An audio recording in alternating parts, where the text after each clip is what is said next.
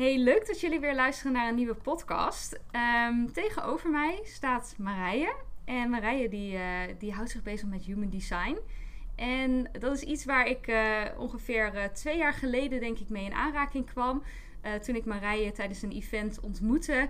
En sindsdien ja, ben ik er eigenlijk ook ingedoken. En heeft het best wel veel voor mij persoonlijk betekend het ook in mijn business. In hoe ik het ondernemerschap aanpak. En ik dacht, het is wel leuk om haar te gaan interviewen hierover. Um, ja, ik ga aan haar vragen nu om zich voor te stellen. Wie ben je? Leuk dat ik er mag zijn. Heel erg leuk. En uh, hoop daarmee ook inderdaad de anderen te kunnen inspireren. Uh, nou, mijn naam is dus Marije van der Laan. En ik ben, uh, of mijn werk zeg maar, houdt in dat ik als gecertificeerd Human Design Analyst andere mensen steeds dichter bij zichzelf breng. En dat kan op persoonlijk vlak, op zakelijk vlak, uh, inzicht in wie je zelf bent, op het gebied van persoonlijke ontwikkeling. Ja, helpt je uiteindelijk natuurlijk op, uh, ja, op alle vlakken. En uh, voor mij is Human Design daarvoor een hele fijne en belangrijke tool. Wat leuk om te horen. Ik denk dat heel veel van de luisteraars uh, misschien wel eens van Human Design hebben gehoord, maar niet precies weten wat het is. Zou je eens kort kunnen uitleggen wat houdt het precies in Human Design? Ja, human design is de wetenschap van verscheidenheid. Dus het is uh, een manier om te zien hoe en waar we van elkaar verschillen. En dat is echt tot in het kleinste detail uh, op hele holistische basis. Um, ja, dus dat is eigenlijk heel in het kort. Dus je krijgt je, je blauwdruk, een soort van energetische blauwdruk. Um, als je ergens ja, een vergelijk tussen haakjes zou kunnen trekken uh, dan zou je kunnen denken aan astrologie. Dat is wat de meeste mensen in eerste instantie denken. Oh, is het dan iets als astrologie? Um, ja, het is zoiets als astrologie, maar het gaat vele malen uh, dieper. En uh, alleen al het feit dat er bijvoorbeeld van twee rekenmomenten wordt uitgegaan in plaats van één. Dus op een hele holistische basis ja, geeft het aan hoe we van elkaar verschillen en hoe we elkaars kwaliteiten dan ook kunnen aanspreken en gebruiken. Wat mooi. En je gaf aan van hey, het verschilt van astrologie. Want er zijn twee meetpunten. Kan je iets vertellen over hoe dat human design, zeg maar, hoe dat gemeten wordt, zeg maar? Ja, hoe je tot een design komt. Ja, hoe je tot een design komt. Um, daar gebruiken we geboortegegevens voor. Datum, tijd en plaats. En uh, dat is waar als het ware de astrologische uh, berekening op wordt losgelaten om te zien welke planeten waar staan hè, of waar stonden op het geboortemoment. Um, omdat dat iets zegt over jouw uh, karaktereigenschappen. Nu is het zo dat in Human Design we twee rekenmomenten gebruiken. Dus de een is het geboortemoment en teruggerekend, 88 graden teruggerekend vanaf het geboortemoment, hebben we ook een bewustzijn ontvangen. Nou, op het geboortemoment is ons persoonsbewustzijn, uh, waar we onszelf mee kunnen identificeren. Uh, de karaktereigenschappen, als ik aan jou zou vragen om jezelf te beschrijven, zijn dat de, waarschijnlijk de karaktereigenschappen die je geeft. Maar zeggen wij in Human Design, we zijn een binair bewustzijn. Dus we zijn niet alleen het persoonsbewustzijn, wie we denken dat we zijn, maar onze vorm, ons lichaam, heeft ook een bewustzijn. En uh, dat kunnen we heel simpel allemaal regelmatig ervaren. Dat we denken dat we naar rechts moeten, maar dat ons hele lichaam als het ware naar links uh, gaat. En dan gaan er allerlei verhalen in ons hoofd ontstaan waarom we toch het een ten opzichte van het ander zouden kunnen uh, kiezen. Dus, um, en omdat die beide bewustzijnsvormen worden meegenomen, nou, dat is een aspect waardoor het dus veel dieper gaat dan een astrologische berekening bijvoorbeeld alleen. Oké, okay. dus samengevat, zeg maar, met astrologie kijk je echt inderdaad naar het geboortemoment, zeg maar. En bij Human Design kijk je dus ook naar een, ja, je zei 180... Nee, 88 graden. 88 graden daarvoor. En dat is dus ook nog het moment dat je in de baarmoeder zit. Ja, dus dat is ongeveer uh, 88, 89 dagen. Dus een maand of drie voor het geboortemoment. Uh, ja, ik zeg het altijd even heel simpel kort door de bocht. Was het lichaam als het ware klaar om dat persoonsbewustzijn te ontvangen, zeg het maar even zo. En uh, ja, de imprint op dat moment, dus de bewustzijnsimprint van dat moment, is het bewustzijn van onze vorm, ja. van ons lichaam. Oh, super interessant. Ehm, ik ga je dadelijk nog veel meer vragen over human design, maar ik ben heel erg benieuwd van hey, hoe is dit op jouw pad gekomen? Ehm, nou, dat is ook al wel weer een aantal jaar geleden. Ehm, ik ben al uh, ruim 18 jaar zelfstandig ondernemer. En voordat Human Design op mijn pad kwam, had ik een sport- en beweegcentrum. Nou, even als ik bij Human Design onder de niet-energietypes val en ik heb een sport- en beweegcentrum, nou ja, dat geeft dus wel aan hoe sterk we de neiging hebben om van onszelf weg te drijven, zeg maar. Een sport- en beweegcentrum. En ehm, ja, op een gegeven moment voelde ik wel, dit is niet helemaal ja, wat, ik, wat ik wil blijven doen.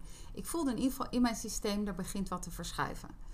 En toen dacht ik, ja, als ik stop, wie ben ik dan? Wat kan ik dan? Ik deed het al 12, 13, 14 jaar. Ehm, hoe dan? Uh, ik weet eigenlijk helemaal niet wie ik nou echt ben. Nou ja, allemaal dat soort levensvragen. En um, toen kreeg ik een artikel onder mijn neus uh, gestopt van mijn moeder.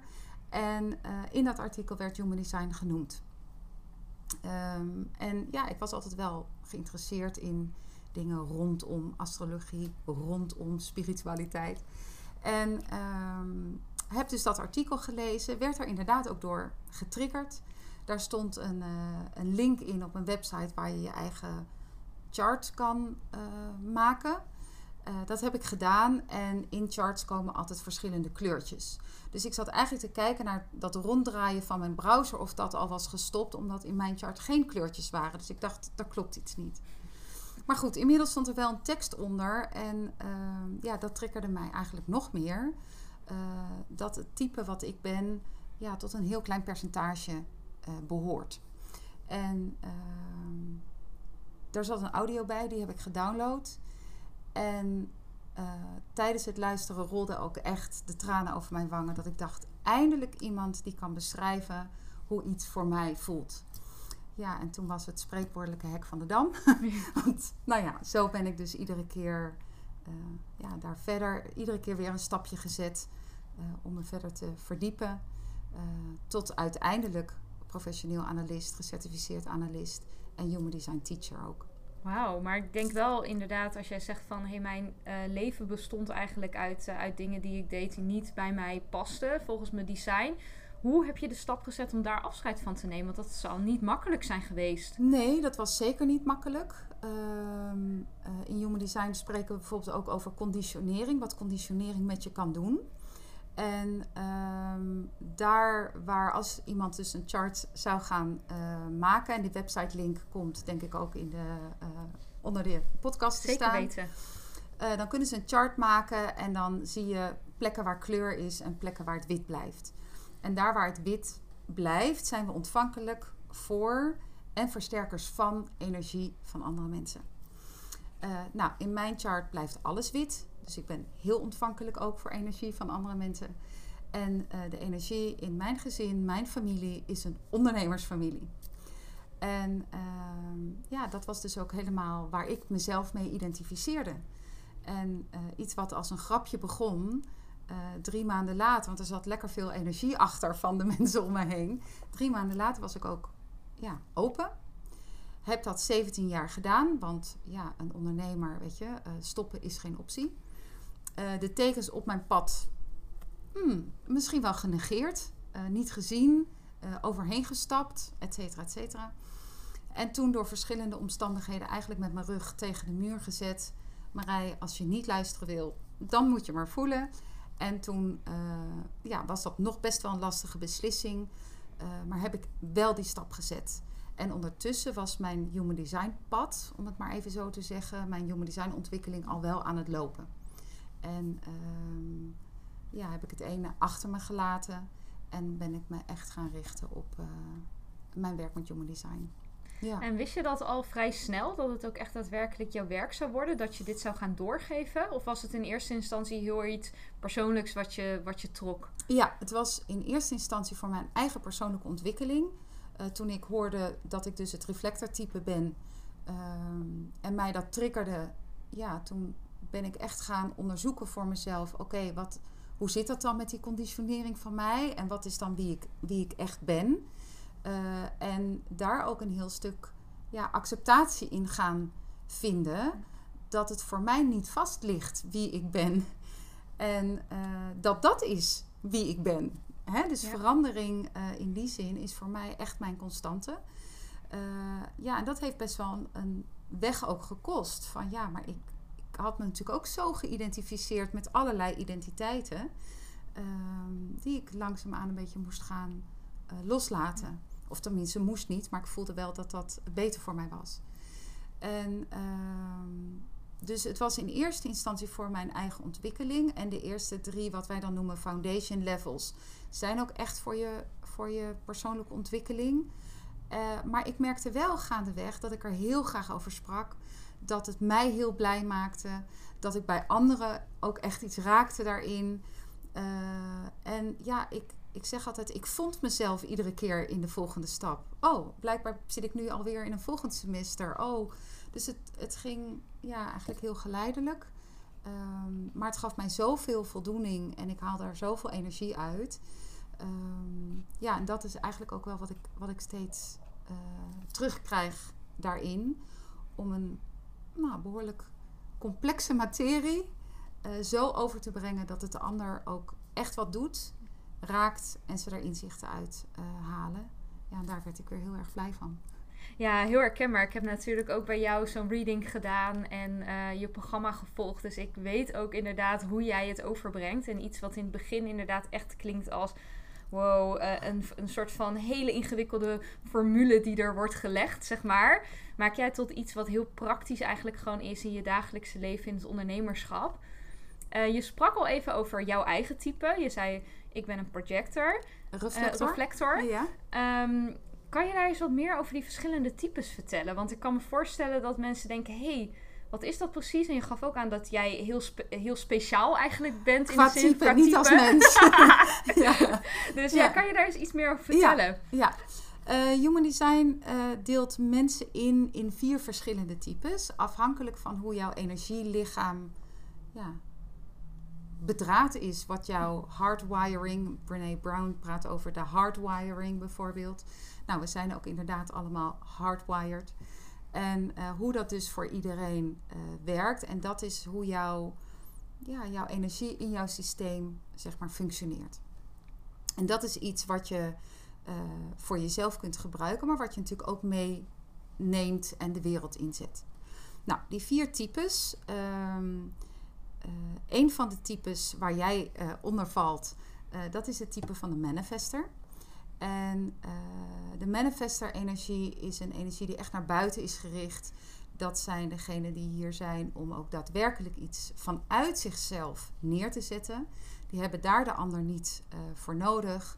Ehm, nou, afhankelijk van hun specifieke hardwiring voelen ze dat, of is het iets wat ze heel graag willen, of eh, in het moment dat ze zeggen: Ja, dit wil ik neerzetten, en dan kunnen ze gaan. Daar hebben ze zelf de energie voor. Ehm, en zij behoren ook dus tot de groep energietypes. Eh, een tweede groep is de groep van de generators, de doeners, de bouwers. Uh, degene die hier de levensenergie uh, neerzetten. Um, energie van handen uit de mouwen of de, de mouwen opstropen en, en gaan. En dat is ongeveer 70% uh, van de mensen. En daarbinnen die 70% is iedereen dus even uniek. Hè? Dus het type, ik ben als type misschien wel wat uniek, maar als mens niet unieker dan ieder ander. Dus niet dat iemand denkt, oh ik hoor maar tot die 70%, nu ben ik niet bijzonder. Ieder mens is in die zin bijzonder. En komt er dan zelfs uit zo'n uh, profiel, zeg maar, of uit zo'n design bij verschillende generators verschillende dingen? Absoluut. Okay. Absoluut. Ja, absoluut.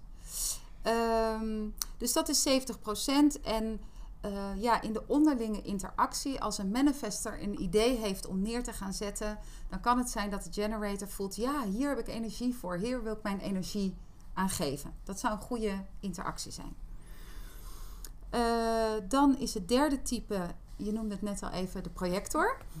en uh, de projector is hier meer als begeleider, als coach, een ziener. In de zin van zien wat er nodig is. En in het sturen van de energie van de generator. Dus zij voelen heel erg aan van, hé, hey, die manifester die wil dit. de generator voelt wel, hé, hey, hier heb ik energie voor. Dan is de projector bij uitstek geschikt om dat soort van te managen en te sturen. Als jij nou dit doet, jij bent daar zo goed in. En, en zij zien heel erg. En hun kunst is om uh, dat niet gelijk naar buiten te brengen. Maar te wachten totdat ze daarvoor worden gevraagd. Dus elk type heeft ook een bepaalde strategie, daar kom ik nog wel op. En, dan, um, en dat zijn er ongeveer 20%. De manifester ongeveer 9% en dan de generator 70%. Nou, dan blijft er ongeveer 1, 2% over. en dat is dus uh, ja, het, het, type van de uh, reflector. En uh, net als in een zaklamp geeft de reflector terug wat er is. Dus zij zijn hier niet zozeer in eerste instantie om te doen als een manifester. om te manifesteren en te initiëren. Zo worden we natuurlijk wel allemaal grootgebracht. Uh, maar meer om als barometer te fungeren van ja, dat wat er gebeurt, ja, is dat ook gezond en klopt dat ook? En, en ook ieder reflectordesign is anders en ja, geeft dus ook weer wat anders uh, daarin terug. Um, dus ja, dat is zeg maar over de vier uh, uh, types. Ja. En elk type kan het beste bij zijn of haar energie komen door ja, een bepaalde strategie toe te passen. Dus als de manifester uh, informeert over dat plan wat hij heeft, komt hij wat minder weerstand tegen vanuit zijn, zijn of haar omgeving. En als een generator wacht totdat, ja, totdat hij ook echt voelt ergens in zijn systeem en bij de een duurt dat wat langer, en bij de ander is dat wat sneller. Maar dat hij echt voelt, er gaat een vlammetje aan. Dat is hetgene waar ik mijn energie aan geef. En uh, de projector, die dus zo ongelooflijk veel ziet en de neiging heeft om dat ook heel snel naar buiten te brengen, die stoot vaak zijn neus, omdat de ander nog niet per definitie klaar is om dat ook te horen. Dus die doet er goed aan om te wachten totdat hij ook voor dat inzicht wordt uitgenodigd. Um, en voor de reflector werkt het eigenlijk helemaal anders. Um, ik gaf het net al een beetje aan, heel erg veranderlijk in al mijn openheid. En uh, voor reflectors is het dus van belang om ja, minimaal een maancyclus te wachten uh, voordat je echt je belangrijke stappen zet. Om daarmee echt te kunnen doorvoelen, al die verschillende aspecten te laten meespelen voordat je een belangrijke beslissing neemt. Ja, Oh, ja, echt. Het is echt bizar inderdaad wat er allemaal achter inderdaad zo'n profiel zit. Um, je had het al heel even over conditionering in het begin. Mm -hmm. En ik kan me voorstellen dat je wordt geboren met zo'n uh, profiel of een design, ja. zeg maar. Dus ja. het, het, is bijna een feit. Ja, maar. dat is een feit. Kan er niet omheen. Um, toch gebeurt het dat we, ondanks dat we zo geboren worden, vaak niet volgens die strategie en dat design leven. En dat heeft met conditionering te maken. Kun je daar eens iets meer over vertellen? Ja. Um, ten eerste is het onwetendheid. Van zowel de ouder over zichzelf als ook um, over het kind. He, we leren niet hoe iemand hardwired is, hoe je blauwdruk is. En um, ieder heeft zijn eigen perspectief waarmee die naar de wereld kijkt. En uh, uh, ouders zijn natuurlijk ook weer ja, vanuit een bepaald perspectief grootgebracht. En nemen dat dan ook weer vaak uh, mee in de opvoeding van kinderen, bijvoorbeeld. Dus vanuit hun eigen perspectief beslissen ze voor het kind wat wel of niet goed is. En zo leren we eigenlijk al heel snel aan te voelen van hé, hey, als ik mij daar nou aan conformeer, ja, dan word ik lief gevonden of dan word ik aardig gevonden, dan hoor ik erbij, dan ben ik van waarde. We zijn heel erg uh, uh, gevoelig om, om van waarde te zijn, uh, om onszelf te bewijzen, eigenwaarde te bewijzen, nou ja, allemaal dat soort dingen. Dus als we ons nou maar netjes overal aan houden en we krijgen daarvoor die ei over ons bol, ja, dan gaan we ons daar steeds meer aan conformeren. En het zou goed zijn als we die ei over ons bol krijgen. Uh, als we gewoon zijn, natuurlijk zoals we zijn. En daarin worden uh, gestimuleerd. Nou, conditionering, dat is altijd en overal. Zoals wij hier nu zijn, ja, conditioneren we ook elkaar. Want het is gewoon het aannemen van de energie van een ander. Dus als we in elkaars energie zitten. Ik iedereen herkent het wel dat je ergens binnenloopt en dat je een soort energetisch aanvoelt. Oeh, ik loop liever weer weg. Of je was bij iemand en je voelt je daarna dat je denkt: oh, diegene was wel heel verdrietig, bijvoorbeeld. Dat kunnen we aanvoelen. Ehm, alleen door al die onbewuste patronen zijn we onszelf daarmee gaan identificeren. En gaan we op basis van: ik voel me verdrietig. Ehm, of ja, op basis van: ik voel me verdrietig, denkende dat ik ook verdrietig ben, gaan dan een beslissing maken om van dat verdriet bijvoorbeeld af te komen. En uh, conditionering in zichzelf is, daar is geen goed of fout aan.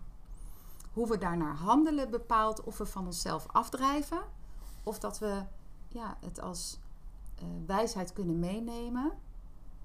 Uh, ik noem nu even verdriet, maar het kan van alles zijn. Oh, wauw, dit is hoe verdriet dus bijvoorbeeld zou kunnen voelen. Of dit is hoe heel veel energie hebben zou kunnen voelen wil niet per definitie zijn, zeggen dat het mijn energie is. Maar wauw, als ik dit voel, dan snap ik waarom zij altijd maar bezig zijn, bijvoorbeeld. Dus dan gaan we het zien als wijsheid. En uh, gaan we het niet ja, misplaatst, tweedehands gebruiken om van waarde te zijn, bijvoorbeeld. Ja. ja. ik vond dat ook zelf in mijn eigen sessie met jou ook echt heel erg een inzicht voor mij was over Ehm, de boosheid, zeg maar, die je als mhm. manifester, zeg maar, hebt. Dat dat als kind natuurlijk ook iets is wat er achter, eigenlijk van bijna alle emoties, zei je, de, zei je toen, er niet mag zijn, zeg maar. Het is echt een van de weinigen wat soort van uh, red zone is. Van boosheid uh, mag niet. Ja. Um, en dat was voor mij ook wel heel erg herkenbaar. En voor mij is dat ook echt wel een ding geweest, echt na het design van... hé, hey, hoe kan ik mijn boosheid soms kwijt, zeg maar. Zeker. En um, uh, zoals boosheid voor de manifester eigenlijk een teken is: ik ben aan die strategie van informeren of geïnformeerd worden, daar is op een of andere manier aan voorbij gegaan. En dus word ik boos. Dus als een ouder dat weet en die ziet jou bijvoorbeeld boos, dan kan die ouder weer: oh ja, ik ben inderdaad vergeten te zeggen dat we, nou ja, dat of dat of dat gingen doen. Of uh, als jij niet mocht neerzetten wat jij graag wilde neerzetten vanuit jezelf, dan kon het zijn dat het jou boos maakt. Nou, met verdriet worden we getroost en teleurstelling, ach wat rot. Maar zodra je boos, dan is het al inderdaad heel gauw. Uh, nou, uh, doe niet zo boos en dat. Nou. En een manifester wordt niet alleen boos, een manifester kan ja. echt woedend worden. en dat is best een enge energie voor de omgeving.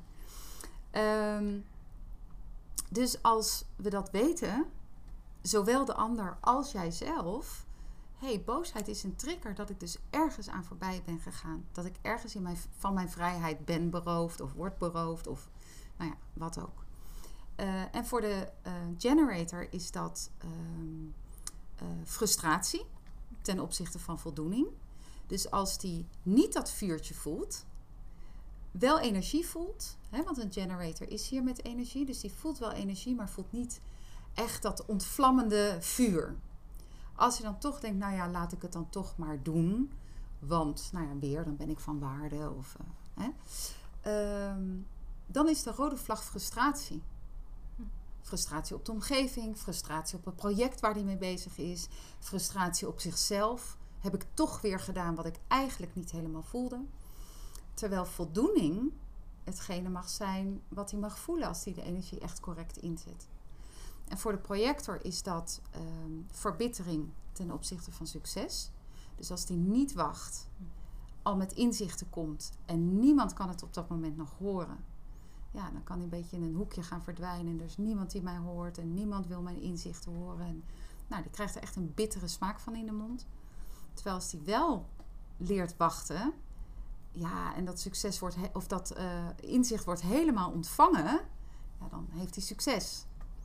En voor de reflector is het um, uh, teleurstelling en verwondering. Dus als ik inderdaad uh, niet wacht, te snel ben, dan kan ik teleurgesteld zijn in alles en iedereen om me heen. Niet in de eerste plaats over mezelf. en anders kan ik echt verwonderd zijn op wat er allemaal eigenlijk naar me toe komt. En ja, wat ik ervaar en ook weer teruggeef. Dus um, ja, terug naar die conditionering. Die is in zichzelf niet goed of niet fout. Uh, die is, maar de manier waarop we daarmee omgaan, waarop we daarmee omgaan bepaalt ja, of we rust of boosheid ervaren, eh, frustratie of voldoening. Nou ja, en bij de anderen natuurlijk eh, net zo. Ja, Ja. precies. En ik kan me voorstellen dat dit voor ondernemers ook ontzettend interessant is om te weten. Dat je op meerdere manieren het design in je onderneming zou kunnen toepassen, of in ieder geval in je Mhm. leven. Mhm. Eh, kun je daar iets over vertellen? Wat voor inzichten kan je als ondernemer hieruit opdoen, zeg maar, als je weet wat jouw human design is? Ja, nou in principe, eh, als we het echt zwart-wit zouden zien, dan is de enige om echt vanuit zichzelf te gaan ondernemen en iets neer te zetten, eh, zijn de, ja, de energietypes zoals jij, de manifester. Ehm, dat wil niet zeggen dat we niet allemaal het punt van manifestatie kunnen gebruiken of kunnen bereiken. En eh, er was een mooie uitspraak van een, eh, een collega-reflector van mij die omschreef: ehm, We all reach a point of manifestation, but we have different ways to get there. En die different ways, ehm, als een manifester een idee heeft en afhankelijk van de hardwiring echt voelt dit klopt, dan kan hij dat uit zichzelf gaan neerzetten. Heeft hij daar niemand anders voor nodig. Ik stel voor, want human design is vooral niet iets wat je zomaar moet aannemen en blind moet geloven, maar waar je echt de tools voor aangereikt krijgt om zelf mee te gaan experimenteren. Maar ik stel voor voor generators dat als die bijvoorbeeld een idee hebben, dat ze zich eens laten bevragen, bijvoorbeeld van, goh, je hebt het idee, ehm, wil je dat zo aanpakken of zo aanpakken, of voel je echt dat dat voor jou is? Dus heel erg gesloten vragen van ja of nee. En zo kan een Hmm. generator de helderheid krijgen of die daar ook echt daadwerkelijk de energie voor heeft om dat te gaan doen. Of dat het misschien ja, een mentaal concept is eh, waarvan die denkt dat dat is wat hij wil doen. Maar als hij echt naar die energie gaat luisteren, hmm, misschien toch niet. Ehm, de eh, projector als ondernemer, ehm, die heeft die uitnodiging nodig. Dus zijn er anderen die de projector uitnodigen om met zijn of haar kwaliteiten naar buiten te komen. En om inzichten te brengen, om sturend te zijn. En eh, daar waar de manifester en de generator tot de energietypes behoren, zijn de projector en de reflector behoren tot de niet-energietypes. Nou, we weten allebei dat ondernemerschap echt wel heel veel energie ook vraagt. En ja, ik denk dat dit ook wel voor de manifester geldt. Ehm, ja, hoe richt ik dan die onderneming in dat ik kan doen waar ik echt goed in ben en waar ik ook energie van krijg en waar ik in het geval van de projector dan ook echt voor word uitgenodigd?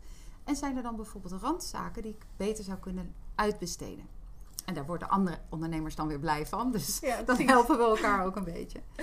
Ehm, en ik krijg natuurlijk ook regelmatig de vraag van... ja, hoe doe jij dat dan als reflector? Je hebt helemaal geen energie en niks van jezelf. En ehm, ja, en dat is... Jij deelt dat ook regelmatig. Dat als er een programma staat dat mensen denken... zo, met een knip van een vinger is dat even gebeurd. En zo werkt dat niet. En zo werkt dat voor mij ook niet. Daar kan soms echt maanden overheen gaan... voordat ik echt voel, ja, dit is het bijvoorbeeld online programma wat ik neer wil zetten. En om het te vullen, dat daar ook tijd overheen gaat. Dat ik echt voel van ja, dit klopt. En hier heb ik mijn tijd voor genomen. En, en dat er dan ook weer randdingen zijn die ik inderdaad niet zo goed eh, kan of in vastloop. Dat ik denk, daar heb ik geen energie voor. Nou ja, dan weer contact zoeken met andere ondernemers om me daarbij te assisteren. Ja, dus eh, ik kan me voorstellen dat als je een niet-energietype bent, eh, dat het misschien wel soms frustrerend is als je niet weet over je design en kijkt naar andere ondernemers en denkt van zo, die gaan snel, het lijkt wel zo moeiteloos te gaan. En daardoor raak je zelf misschien wel een beetje gefrustreerd, om maar Ja, zo te zeggen. Ja. Ehm, ja, hoe kan je daarmee omgaan als je dat voelt? Eh, nou, dan kom je natuurlijk op een van die vier niet, niet zelf rode vlaggen. Dus die boosheid, frustratie, verbittering of eh, teleurstelling. Ja, en dan kan je jezelf dus inderdaad gaan afvragen: ja, ben ik wel uitgenodigd om die inzichten ook als het ware in een bedrijf naar buiten te brengen? Of ben ik wel gevraagd als generator? Had ik echt respons, echt dat, dat, ja, dat, dat vuurgevoel om dit ook echt neer te gaan zetten? Of ben ik het vanuit een verkeerde intentie neer gaan zetten, omdat ik dacht dat ik daarmee mijn waarde, hè, ik kom daar vaak op terug, maar het is voor heel veel mensen een trigger, ehm, eh, kon bewijzen. En eh, dan is er wel energie, maar dan wordt het ook niet op de goede manier eh, neergezet. En ehm, ja, in een, in een hardwiring, we hebben bewustzijnscentra, we hebben motors, er zit van alles in. Eh, en ik heb wel eens mensen, die hebben dan inderdaad vier motors, wat we dan zeggen, in hun bedrading zitten. Dus dan denken we zo, die hebben echt heel veel energie. En die zijn dan toch burn-out. Want als je die energie niet op de juiste manier, als je de motor niet op de juiste manier gebruikt of voelt wanneer je hem uit zou moeten zetten, dan, ehm, ja, dan gaat hij ook vastlopen. Je hebt onderhoud te plegen. En ehm, ja, dat kan als je dan toch denkt van ja, ik moet maar doorgaan, ik moet maar doorgaan. Dus ja, die frustratie, boosheid, verbittering, teleurstelling is allemaal iedere keer weer terug. hey, heb ik wel die bewuste strategie gevolgd? Of Ja, ben ik precies. voorbij gegaan? Dus het zijn eigenlijk ook een soort van signalen inderdaad. Dus, Zeker. eh, om je daar wat bewuster van te zijn. Wat ik me ook nog afvroeg, ik kan me voorstellen dat als je dit nu luistert en stel je voor je hebt ook je test gedaan, je weet wat voor een type jij bent. En misschien denk je nu wel, hey, ik herken me eigenlijk helemaal niet in wat jij omschrijft. Want eh, toen ik de allereerste keer zeg maar zo'n eh, ja, de, zeg maar Analyse de analyse ja. deed. ehm, toen was ik juist heel erg het type wat altijd bij andere mensen op zoek was naar bevestiging en vragen aan het stellen en twijfelen en dat, zeg maar. Ehm, nu weet ik van oké, ja, daarom liep ik ook heel vaak vast, zeg maar. En was ik heel vaak boos en, eh, en, en, en stroomde het niet, om maar zo te zeggen.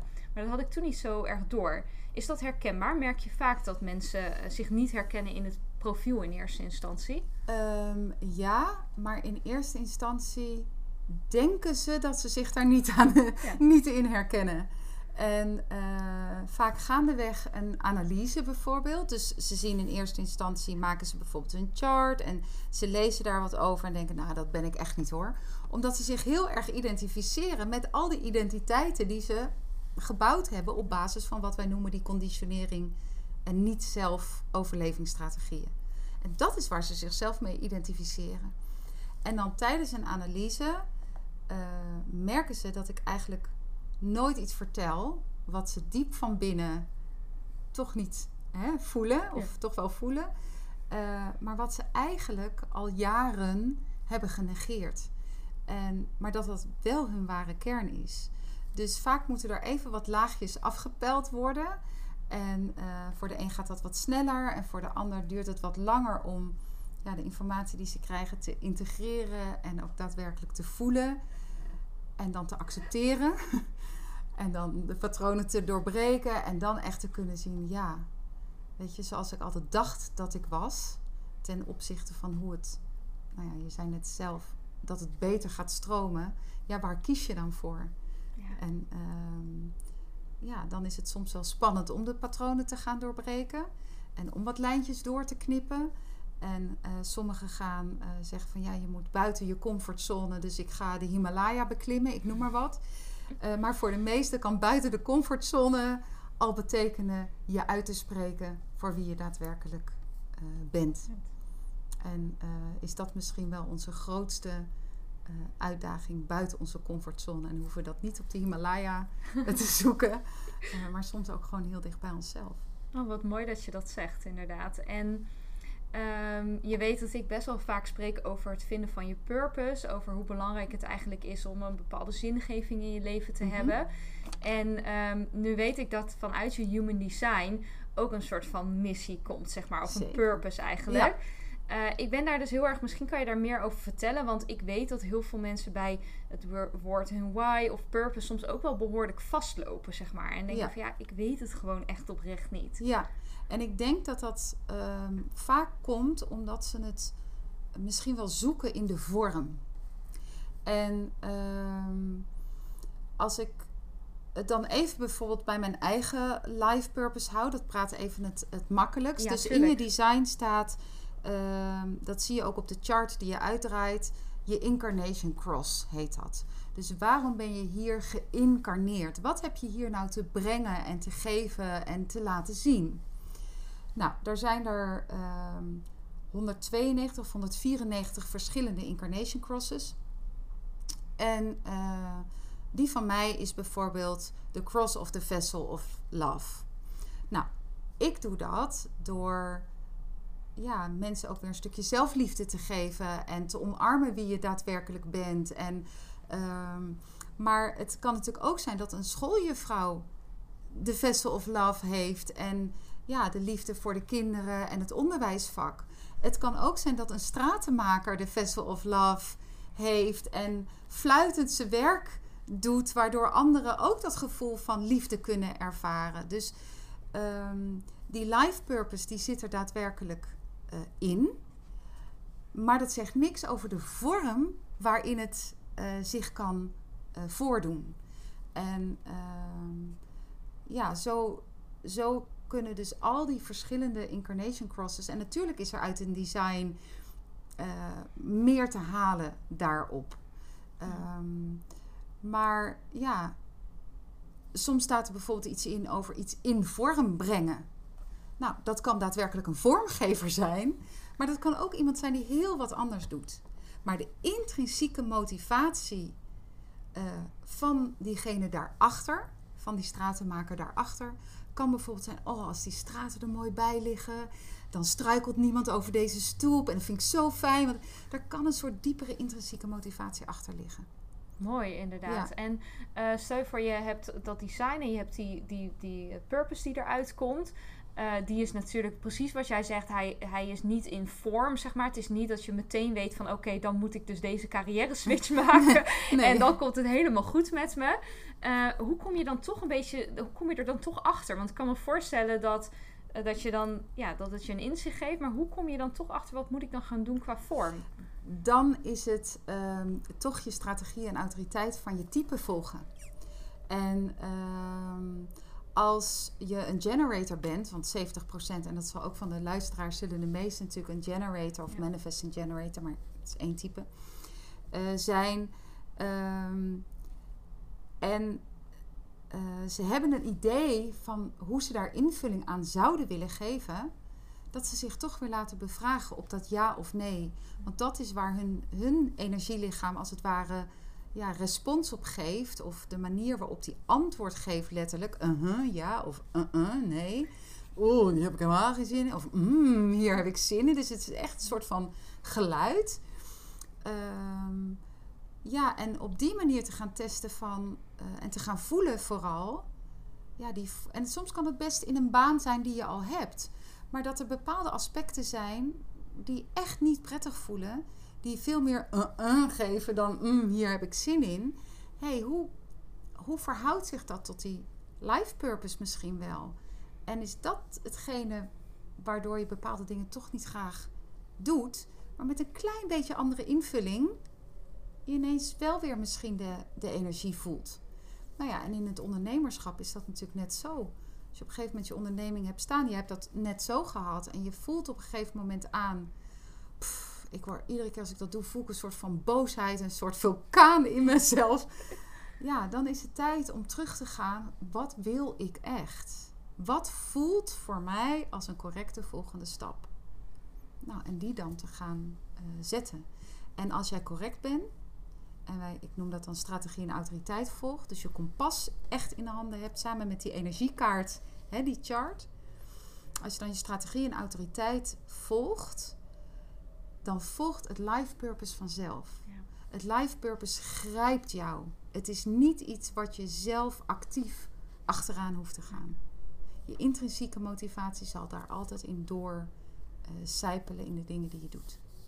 Ontzettend mooi. Dankjewel voor deze uitleg, inderdaad. En uh, ik denk ook voor heel veel mensen geruststellend als ze dit horen. Want ik weet dat heel veel mensen echt wel op zoek zijn naar hun purpose.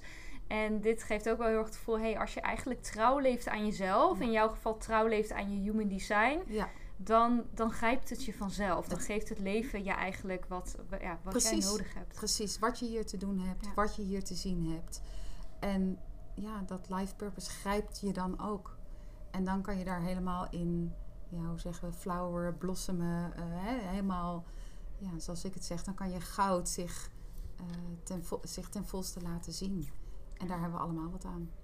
Wat mooi. Ja. Hey, kan je kort nog heel even vertellen van als mensen na, na deze podcast zoiets hebben, hey, ik vind dit super interessant. Wat zijn de volgende stappen? Wat, wat bied jij bijvoorbeeld aan? Nou, er zijn ehm, verschillende mogelijkheden natuurlijk. Ehm, je kan zelf wat gaan googlen. Eh, er is heel veel online te vinden. Ehm, maar ja, wat ik eigenlijk altijd terugkrijg om dat samen te voegen en daar zelf kaas van te maken, dat, dat is echt best wel heel lastig. Maar goed, ik sluit het niet uit. Eh, ze kunnen bij mij terecht om, eh, of in ieder geval bij een andere gecertificeerde analist, dat zou ik wel echt, ja, daar sta ik dan toch wel voor, een human design analyse te doen. Om zo dus die inzichten over jouw blueprint, jouw blauwdruk, om daar inzicht in te krijgen en echt uitgelegd te krijgen hoe dat dan voor jou werkt. Dus dat is een optie. Of als je denkt, ja, ik, wil, ik vind toch wel heel, ik weet er wel al iets van en ik weet al ook iets over mijn, mijn type, maar ik, ja, ik zou ook wel naar wat andere componenten willen kijken. Eh, dan zou bijvoorbeeld de online training Unfold Your Gold, ehm, waarin allerlei sleutels zitten hè, die in jouw design verborgen zitten en die je dan kan gaan ontdekken en eh, daarmee aan de slag kunt gaan. En ehm, ja, dus dat zijn mogelijkheden die mensen zouden kunnen gaan eh, onderzoeken op de website en kijken waar hun energie van gaat stromen, waar ze respons op hebben, eh, waar ze zich uitgenodigd voelen om, eh, om hun volgende stap mee te zetten. Wat mooi. Ik kan inderdaad echt bevestigen inderdaad dat er online ontzettend veel te vinden is, maar eh, precies waar we aan het begin over hadden, best een ingewikkelde materie voor je gevoel als je er Zeker. niet eh, bekend mee bent. Dus eh, ik ben heel erg blij dat jij me erin geholpen hebt, in ieder geval, om, om daar meer helderheid over te krijgen. Ik ga de linkjes naar jouw website in de omschrijving zetten, zodat mensen er ook op kunnen klikken. En ik zal ook een linkje toevoegen van hoe je een test zelf kan maken, zodat je Ja.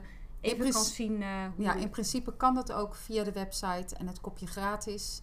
Daar kan je de, de link ook gelijk vinden. Top. Ja. Nou, dan, dan de link inderdaad van Ja. Marije de website. En eh, daarin kan, daarop kan je eerst de test doen. Dan kan je in ieder geval zien van, hé, hey, welk type ben ik? En, eh, ja, en alle informatie vinden over wat Marije aanbiedt om je daar weer verder bij te helpen.